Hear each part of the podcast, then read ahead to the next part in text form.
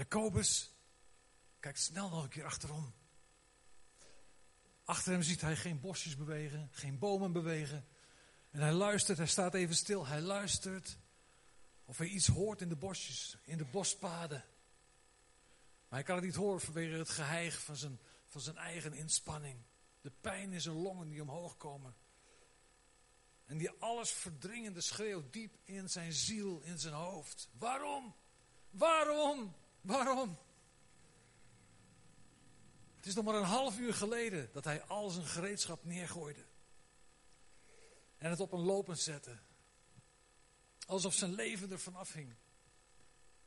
Was het maar zo. Zijn leven hangt er vanaf. Daar moet hij heen. Jacobus weet het. Daar moet ik heen. Ik moet naar het noorden toe. En ik moet de zon aan de zijkant houden. Dan kom ik goed terecht. Maar die smalle bospaden die verhinderen dat hij snel kan lopen. Hij wil harder, hij wil harder. Maar het lukt hem niet helemaal. Maar nog even, dan worden die bospaadjes bredere paden. En ik kom uiteindelijk op een route langs de grote steden. En daar kan ik opschieten. En opnieuw kijkt hij achterom, verschrikt. Hij hoorde wat. Ziet hij wat bewegen? Nee, nee. Dat kan ook eigenlijk niet, want het is nog maar net een uur geleden dat dat vreselijke is gebeurd. Dat vreselijke voorval. Oh God, oh God, schreeuwt hij onder het rennen. Oh God, oh God. En een flarden van gebeden komen omhoog. U bent mijn schild en mijn rots, oh God, Abraham, God van Abraham, Isaac en Jacob. Helpen, helpen toch, help me. Hij moet even rusten. Hij moet even op adem komen. Hij kan niet meer. Maar het zal nog een paar uur lopen zijn. Rennen, lopen en rennen. Normaal doet iemand over die afstand zeven uur. Als er niemand achter je aan zit tenminste. Maar nu, nu zit er iemand achter hem aan. Die hem naar het leven staat. En Jacobus rekent erop dat hij binnen vijf uur door de poorten kan gaan. Dat is op dit moment zijn enige doel. Het enige doel door die poorten op weg om te overleven. Op weg naar de veiligheid. Op weg naar de vrijstad Hebron. Daar heel in de verte op een berg. Dat was voorschrift. Daar ligt de vrijstad Hebron. Daar moet hij heen. Daar is hij veilig. Als hij één keer bij die poorten staat, is hij veilig. Daar is voor hem rechtspraak. Maar ineens, als hij denkt aan rechtspraak, beklemt hem het weer. Dat zal voor altijd over zijn hoofd heen hangen. Hij is een doodslager. En het echoot in zijn hoofd, het echoot in zijn ziel. Doodslager, doodslager, doodslager. Voor wie denkt dat het volk Israël een bij elkaar geraapte menigte is, die misschien maar één ding voor ogen hadden: oog om oog en tand om tand. Nee, de wetten van Israël die God gegeven had, die zijn heel bijzonder. Die zijn zo bijzonder. En dit is zo'n hoogstandje daarvan. Over de rechtvaardigheid, de heiligheid van God. Dat God respect heeft voor ieder mens, ieder mens evenveel waarde heeft. Jacobus die denkt daar nu aan. Hij was onderweg naar een van de vrijsteden van Israël. Vrijsteden waar je als doodslager, als er iemand om het leven was gekomen door jouw schuld door, of, of schuld door jouw toedoen, maar zonder opzet, dan was je een doodslager en geen moordenaar. Iemand die dus door jouw toedoen, door een noodlottig ongeval om het leven was gekomen, dan kon je vluchten naar zo'n vrijstad. Deze lagen verspreid over Israël. Drie aan de ene kant van de Jordaan en drie aan de andere kant van de Jordaan. En ze waren zo gesitueerd dat waar je ook woonde, je altijd binnen een kleine dag in zo'n vrijstad kon zijn. Want stel je voor, als de wreker, iemand, een familielid meestal, van degene die overleden is, achter je aan gaat komen. En die krijgt je te pakken voordat je in de vrijstad bent, heb je geen, geen rechten meer. Dan is het bloed voor bloed.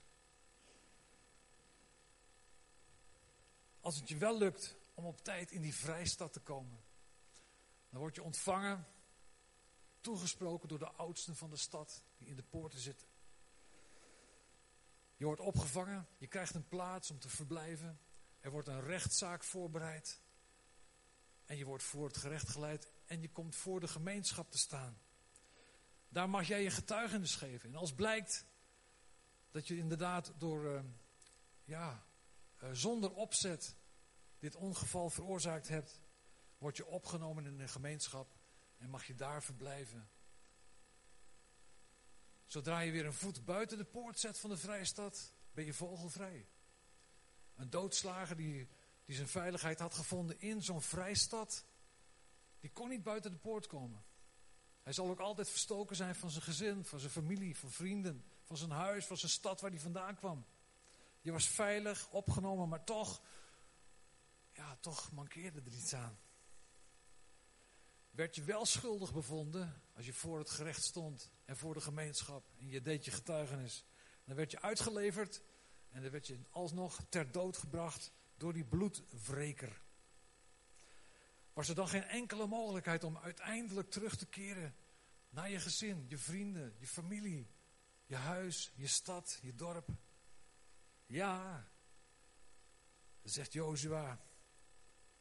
Pas als de hoge priester die dienst had ten tijde van jouw rechtszaak gestorven was. Dan was jij vrij om weer terug te gaan naar de plaats waar je vandaan kwam. Laten we samen lezen Jozua 20.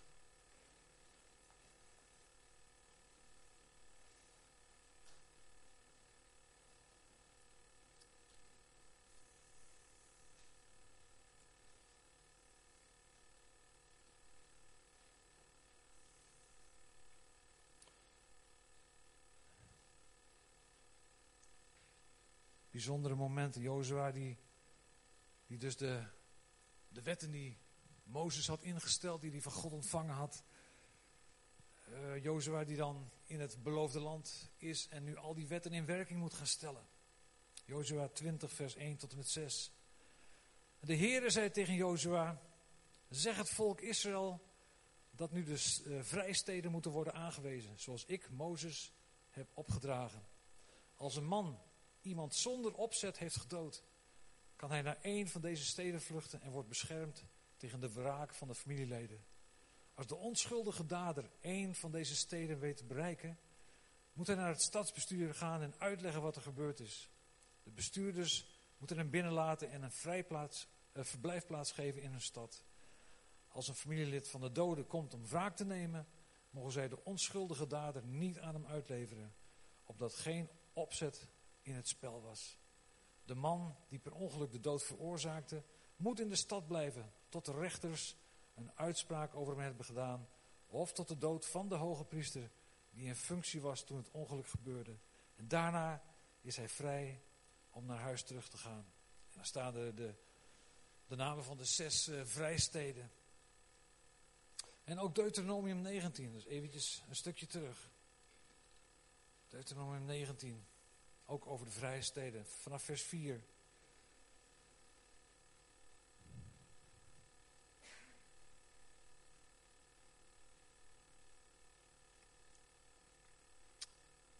Ik noem je een voorbeeld van iemand die zijn naaste per ongeluk eh, dus niet met voorbedachte raden, en dan naar een van de steden kan vluchten. Als iemand met zijn buurman het bos ingaat om hout te hakken en het blad van de bijl schiet van de steel en doodt de buurman, dan kan hij naar een van de vrijsteden vluchten. Daar zal hij veilig zijn voor eventuele wrekers van de doden. De drie vrijsteden moeten verspreid liggen, zodat er altijd één in de buurt ligt. Anders zou de wreker de onschuldige dader kunnen inhalen en hem doden, zonder dat hij de doodstraf verdiend heeft. Omdat hij zijn buurman niet met opzet gedood heeft. En in vers 3 ook, dat hebben we misschien niet eh, met elkaar gelezen, maar daar staat dat Mozes op een gegeven moment de opdracht geeft: U moet de weg gereed maken. En in de ongewijde geschiedenis, de geschiedenisboeken naast de Bijbel zeg maar, daar wordt al vermeld dat het een plicht was om jaarlijks vanuit uh, de steden in de omgeving, om al die wegen te controleren. Om als er regen was geweest de weg te herstellen. Uh, om stenen uit de weg te rapen. Het moest een goede doorgaande route zijn. Uh, er mochten geen rivieren zijn waar geen brug overheen lag.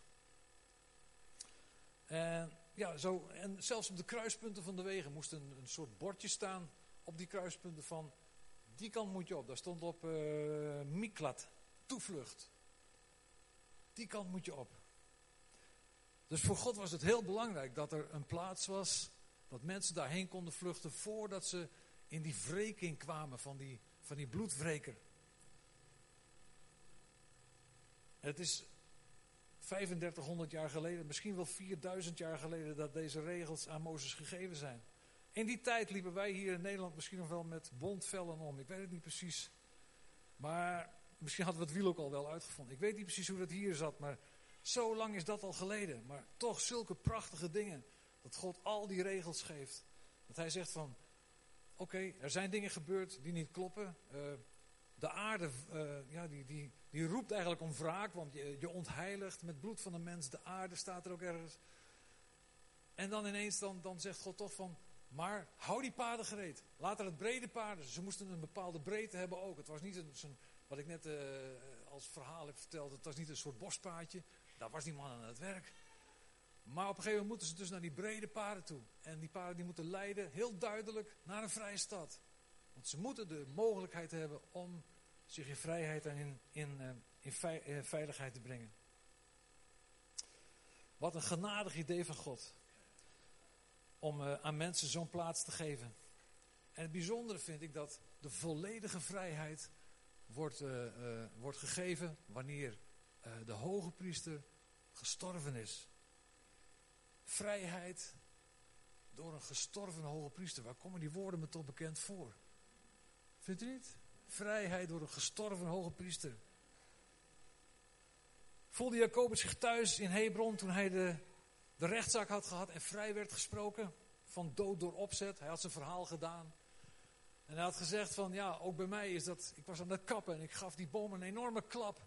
En dat blad vloog bij mij ook van, uh, van de steel af. En ik zag de buurman, ik zag mijn collega boomkapper in elkaar zakken. En ik ben bij hem ge gebleven, totdat hij zijn laatste adem uitblies. En toen kon ik niet meer anders. Ik moest, ik moest er vandoor gaan.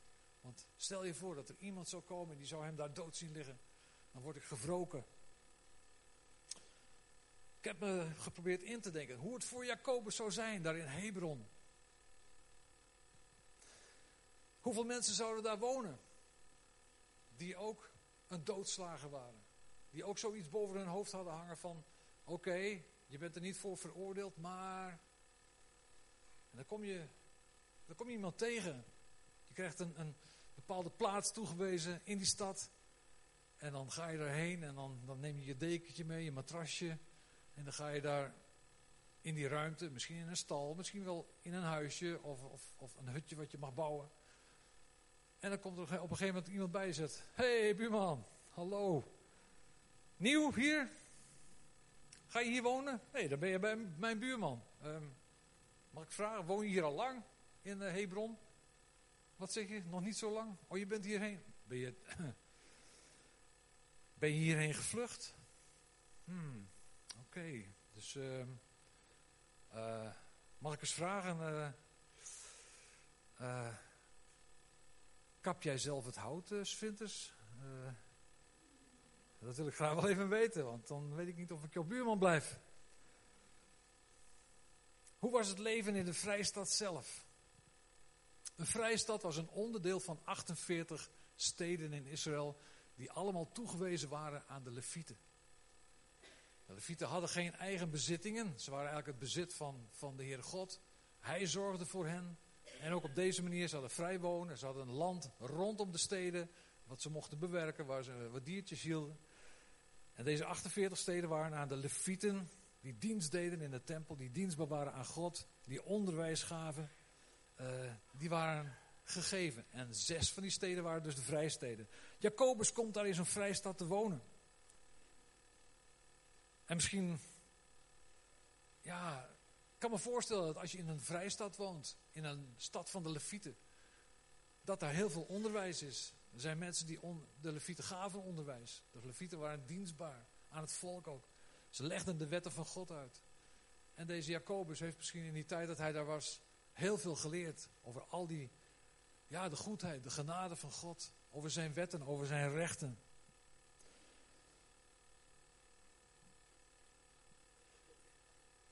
Uh,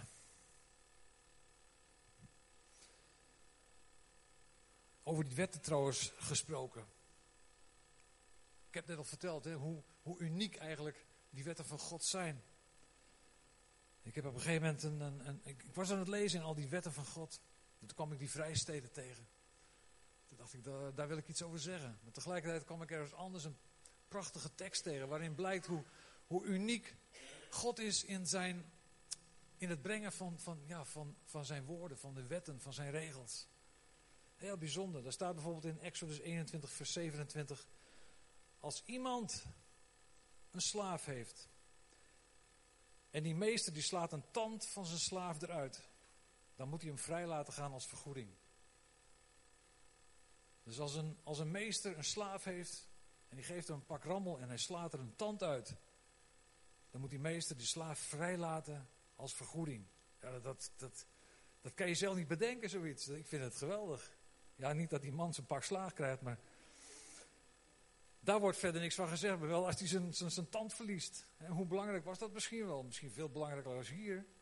Van de week hoorde ik nog van iemand die zei van ik denk dat ik mijn hele bovengebit er laat uittrekken. Is dat zo slecht? Nee, maar ja, dan hoef ik niet meer naar de tandarts. Ik denk, ja hier, dan moet je, dan moet je dit gaan lezen. Hey, wow. Tjonge, jongen, ja. Leren over Gods wetten. Het hele idee van vrijsteden, dat heeft God niet zomaar gedaan. En heel veel van die wetten heeft God niet zomaar gedaan. En er ligt een hele belangrijke onderliggende gedachte. Het toont een beeld van het bevrijdende werk van Christus. De vrijstad is, kun je beschouwen als Christus, waar je naartoe vlucht als je belaagd wordt door de wreker, de bloedwreker, de vijand van God, nadat je bewust of onbewust gezondigd hebt.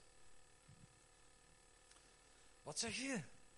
Wordt er daar in, dat, in die eerste boeken van, van de Bijbel, die Mozes waarschijnlijk geschreven heeft, al iets gezegd over het bevrijdende werk van Christus? Die vrijsteden? Wordt daar al iets gezegd over Jezus Christus? Jazeker. En dat is het zo geweldige. Heel de, de Bijbel ademt Jezus Christus uit. Heel de Bijbel ademt het uit. Zoveel verwijzingen, zoveel profetieën.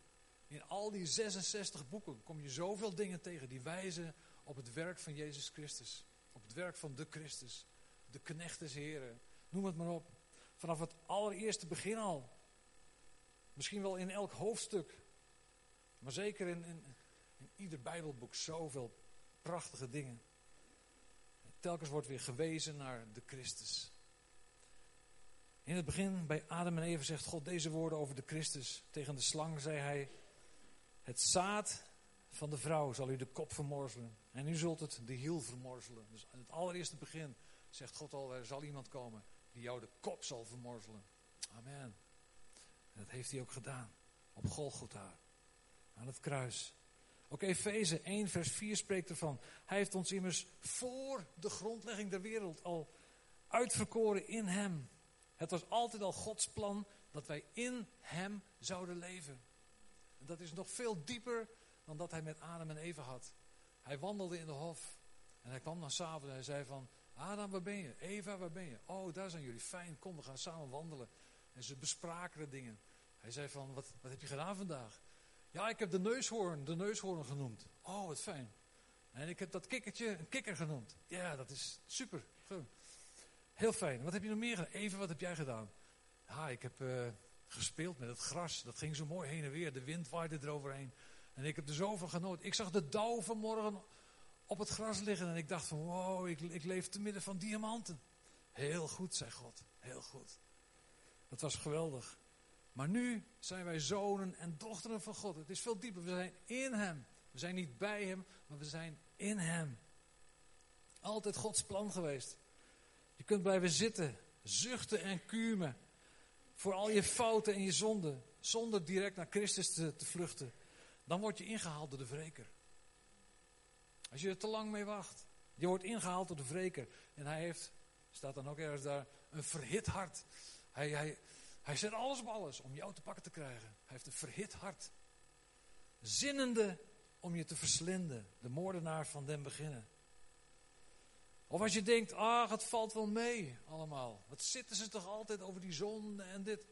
Je bent verloren. Hij krijgt je te pakken. Je bent als een prooi ten dode opgeschreven. Of je bent overtuigd dat je je best hebt gedaan. Hoe vaak hoor je dat niet op begrafenissen? Of, of als iemand, ja, uh, dan wordt er gezegd van, ja, het is zo'n, jongen, als, als, hij niet in de hemel komt, nou, dan komt er niemand. Zo altijd zo zijn best gedaan. Goed voor iedereen. Altijd bereid en altijd dit en dat. Helaas, daar ging het niet om. Je moet in die vrijstad zijn. Je moet vluchten naar die open poort. Je moet naar Christus toe, in Hem. Als je je ellende overziet, direct vluchten. Oh, ik heb veel te lang gewacht. Ik heb zo lang ook tegen mijn collega gezegd, die getuigde tegen mijn leven. En tegen mij, over zijn leven en over mijn leven. En dat verschil. Dus ik zei, jong, je hoeft mij niks te vertellen. Ik, ik geloof in God. Het is niet zo dat ik niet in God geloof. Ik geloof niet dat, er dat wij uit de apen of zoiets eh, ontstaan. Ik geloof dat we gemaakt zijn en dat, dat, dat God bestaat. Maar ik wil alleen niks met hem te maken hebben. Ja, uiteraard zei hij, zei hij van ja, dat is uiteraard fout. Ik heb gewacht. Maar nu ben ik veilig in Christus. Ja, wauw. Nu ben ik rein, heb ik vanmorgen gezongen. Yes. Veilig in Jezus. Weet je, in de wereld om ons heen wordt er heel geringschattend gedaan over het werk van Jezus Christus. Ik kom op vakantie nog wel eens, en zeker eh, in de vroegere jaren, als we wel eens eh, naar andere landen toe gingen, Italië, zo heb je heel veel van die, van die kerken en van die dingetjes allemaal. En, uh, maar in andere, andere steden ook, even een, een kerk binnenlopen. En dan zie je soms zo'n beeld of een schilderij met Jezus als een babytje. En dan heeft hij een soort volwassen gezicht. En dan zit hij in de schoot van een hele grote moeder, de koningin der hemel. Ja, jongen, echt waar. Dan, dan denk je, waar zijn mijn lucifers? dat mag dan niet. Dat is ongelooflijk, dat is gewoon een afgang. Dat is een afgang. Echt. Dan, dan kleineer je Jezus zo, dan maak je hem tot een stumper. Echt. Dat, is, dat moet zo andersom zijn. De wereld zit in de schoot van Jezus. Zo moet het zijn. Wow, ik kan me er nog over opwinden. Ja, echt waar. Terwijl het woord van God, het evangelie, laat zien hoe krachtig Jezus Christus is. Er staat juist in Johannes, alle dingen zijn ontstaan door de kracht van zijn woord. Hij is het woord. Alle dingen zijn ontstaan door Jezus Christus. Alles. Hij heeft zelf alles gemaakt. En dan moet hij niet afgebeeld worden als zo'n babytje met zo'n... Heb je die ene foto gezien?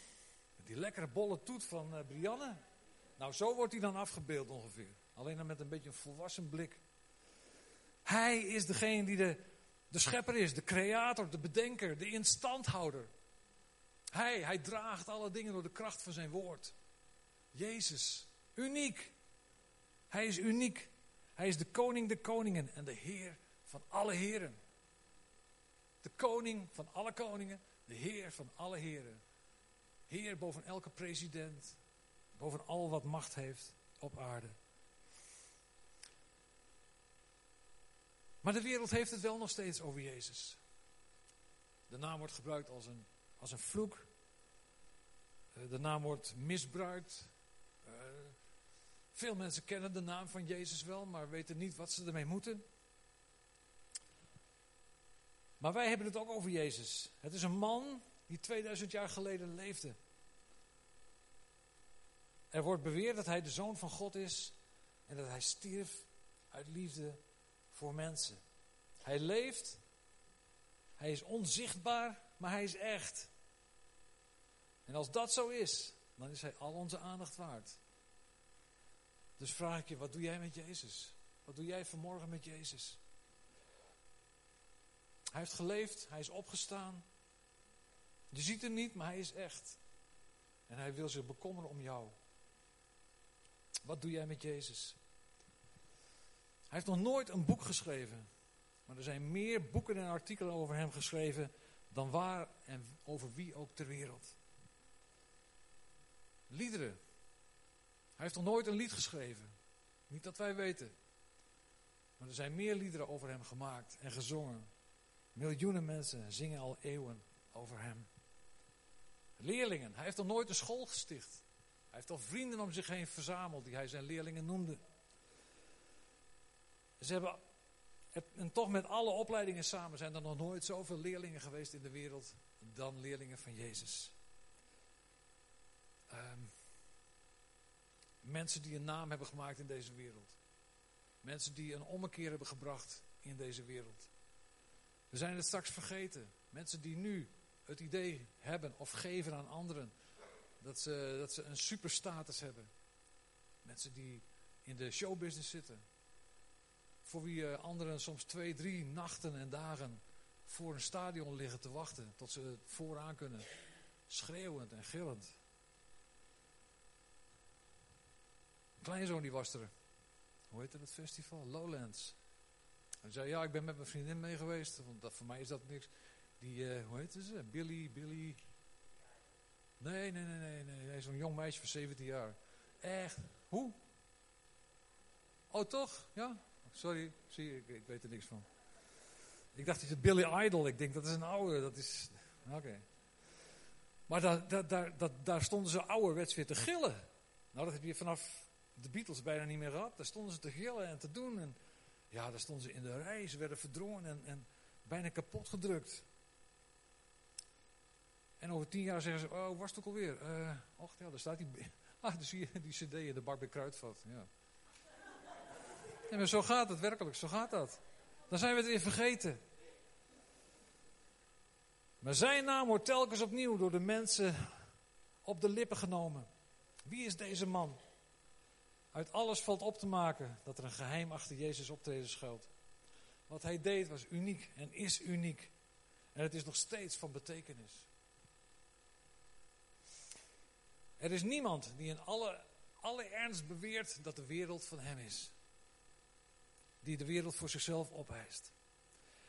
Er is niemand die beweerde te zullen sterven voor alle mensen. Er is niemand geweest die met klem verzekerde dat hij zou opstaan uit de dood. Er is niemand die beloofde dat hij de geest van God zou uitstorten. Er is niemand die heeft gezegd dat hij uit de hemel zou terugkomen om te oordelen. Niemand behalve Jezus. Wat doe jij vanmorgen met hem? Oh, ik zou hem vanmorgen die plaats willen geven die, die toekomt. Zo'n zo'n podium willen bouwen met elkaar. In onze aanbidding, in onze lofprijs. Wat doen wij met hem? Hij is onze vrijplaats. Wij kunnen alleen maar rennen en hollen en maar hopen en bidden. Dat we daar op tijd zijn. Op tijd in die vrijplaats. Hij is uniek. Jezus zegt niet dat iedereen het maar het beste ervan moet maken. Hij is zelf het beste wat een mens kan overkomen. Als je rust wil vinden, moet je bij hem zijn. Hij is niet, hij is niet gekomen om iets nieuws over God uh, te beweren. Hij is God zelf. Hij is God zelf. Geen mens, geen boek, geen mantra, geen visioen kan duidelijk maken wie God is. Alleen Jezus kan dat. Hij heeft gezegd, wie, de, wie mij heeft gezien, die heeft de Vader gezien. Ik ben de weg tot de Vader. Wie Jezus leert kennen, leert God kennen. Hij bracht God onder ons. Daarin is hij uniek. Daarom zeg ik opnieuw, wat doe jij met Jezus? Kan zo stoffig worden, Jezus. Het is 40 jaar geleden dat ik tot bekering ben gekomen. Dat is ook altijd mijn moeite met, met getuigenissen. Vroeger had je dan de verandering. Ik ben er zelf ook eens een keer in geweest. Maar als je daar achteraf over nadenkt, dan... Zo'n programma zit in elkaar. Je had 50 minuten de tijd. 40 minuten gaat het over de ellende waar je in gezeten hebt. En die laatste uh, vijf minuten die gaan dan over het nieuwe leven. En daarna heb je sterreclame, vijf minuten. Vijf minuten gaan over het nieuwe leven. Terwijl 40 minuten gaat over de ellende. Ik snap het wel. Mensen willen zich een beetje herkennen in de situatie. En dan zeggen ze, oh, maar hij heeft die keuze gemaakt. Ik wil dat ook. Maar getuigenissen zijn altijd zo belegen en bestoft. Het moet fris zijn. Ik weet dat er vanmorgen mensen zijn die zouden graag willen getuigen over wat ze vorige week hebben beleefd met Paul Roorda. Nou, die tijd komt nog. Volgende week waarschijnlijk niet. Maar bewaar het en laat het horen over twee of drie weken. Weet ik wanneer. Het komt. Weet u wat Jezus nog meer gedaan heeft? Jezus heeft nog meer een maaltijd ingesteld. Een maaltijd waarin hij zegt: Neem deel. Heb deel aan wat ik heb gedaan. En rondom deze tafel wordt de kerk van Jezus Christus gevormd. We zijn samen één gemeente. En Paulus schrijft op een gegeven moment ook, wij zijn één brood. Ook al breken we stukjes af, wij zijn ook één brood. We zijn aan elkaar gegeven en gesmeed. We gaan vanmorgen opnieuw weer avondmaal vieren. En dan denken we aan het, het brood. En dan denken we aan het bloed. Dan denken we aan het bloed wat vergoten is. En het staat op u te wachten vanmorgen. En u mag, u mag deel hebben daaraan. En het is de maaltijd van Jezus door hem zelf ingesteld. En hij zegt, doe dit. Want als je mij gedenkt, vier avondmaal. Als je avondmaal viert, gedenk mij. Hij nodigt ons vanmorgen uit. Het brood als zijn lichaam. De wijn als zijn bloed. Deze heilige maaltijd kunnen we keer op keer in dankbaarheid met elkaar nuttigen. In dankbaarheid. En denken aan wat Jezus heeft gedaan. Hij hoeft zich niet meer te bewijzen aan ons. Hij is God. Hij komt niet met iets nieuws. Hij is God. Er komen geen nieuwe regels. Hij is God. Er komt geen mantra. Hij is God. Hij is de koning boven alle koningen. En de heer boven alle heren. U weet dat. Dus als we vanmorgen dat brood met elkaar nemen. Brood en wijn. En het wordt in ons lichaam opgenomen. Zo wordt Jezus als het ware in ons hart opgenomen. En dan, dan, dan is daar die gemeenschap. De gemeenschap der heiligen. Dan mogen we vrij zijn. Beveiligd, bevrijd. In die vrije stad. Maar hij is gestorven voor ons. Dus er is een volkomen vrijheid. We mogen gaan en staan waar we willen. De bloedwreker kan ons niet meer achterna komen. Ja, dat probeert het wel. Want hij is de mensenmoordenaar vanaf het begin. Hij probeert het wel. Hij ziet u. En hij ziet dat, dat, dat u het woord van God op uw tong hebt. En hij ziet dat u in de wereld rondgaat en dat woord verkondigt. Uiteraard wil hij uw pootje lappen. Je staat weer op en je gaat weer door. Of je leert, God leert ons ook, als hij een pootje lapt, hij leert ons ook om te springen. Amen. Ja, dat is ook onderwijs van God. Dat is ook een stukje praktijk. Hij leert ons om te springen als we pootje gelapt willen worden. Dezelfde Jezus, hij is vanmorgen hier. Hebreeën 13 vers 8 zegt, um, Jezus Christus is gisteren en heden dezelfde, tot in alle eeuwigheid. Hij nodigt u vanmorgen uit. Zullen we avondmaal vieren met elkaar? Amen. Amen. Halleluja. Misschien dat de mensen die uh, het zo meteen willen uitdelen vast naar voren komen. En breek het. Breek het brood. En dan gaan we ervoor danken. Vader, we willen u samen danken. We willen onze handen opheffen. Misschien kunnen we erbij gaan staan en inderdaad onze handen opheffen naar de koning van alle koningen. En laten we die, dat podium voor hem bouwen vanmorgen. Laten we hem die eer geven die hij toekomt. Heer Jezus, wat een geweldige, wat geweldig Heer wie u bent. Het is zo groot, Heer. Woorden schieten ons soms tekort. En toch willen we het proberen. Toch willen we het met liederen, met, met onze eigen woorden proberen om te zeggen wie, wie u bent en hoe groot u bent, hoe wonderbaar. Uw kracht, uw macht, uw majesteit. Heer, uw liefde die naar ons uitgaat. Uw genade die ons telkens weer uh, tegemoet komt. Heer, de verlossing die u geeft. De wonderen die u doet, Heer. De bewaring. We mogen in u zijn. We mogen ons bewaard weten. Beschermd door u. U bent onze, onze, onze schild en onze, onze burcht. Heer, en, zo mogen we ons veilig weten. We hoeven niet te, te sjouwen als een Jacobus hier dwars door de bospaden. We hoeven niet meer te rennen hier naar de vrije stad. We zijn in Christus, Heer. Als we die keuze voor hebben gemaakt. Wat is dat wonderbaar. En daar prijzen u voor, Heer. Halleluja. Heer, dank u wel dat we nu mogen genieten. Deel mogen hebben aan het avondmaal. Waarvan u hebt gezegd. Dit brood, dat is mijn lichaam. Wat voor jullie gegeven is. Eet het tot mijn gedachtenis. En daarna ook de wijn. De wijn is het teken van mijn bloed, heeft hij gezegd. Drink het. Drink het en word vrij. Drink het. Ontvang die vergeving. Drink het. Het is een nieuw verbond. Drink en eet. Jullie zijn uitgenodigd. Is alles in orde met, met, met jou en met God? Is alles tussen u en God in orde? Kom met vrijmoedigheid. Ook al ben je gast vanmorgen hier en je verlangt ook om, om, om die maaltijd samen met Christus te vieren. Je bent uitgenodigd om te komen. Je bent uitgenodigd. Laten we het samen eten. Amen.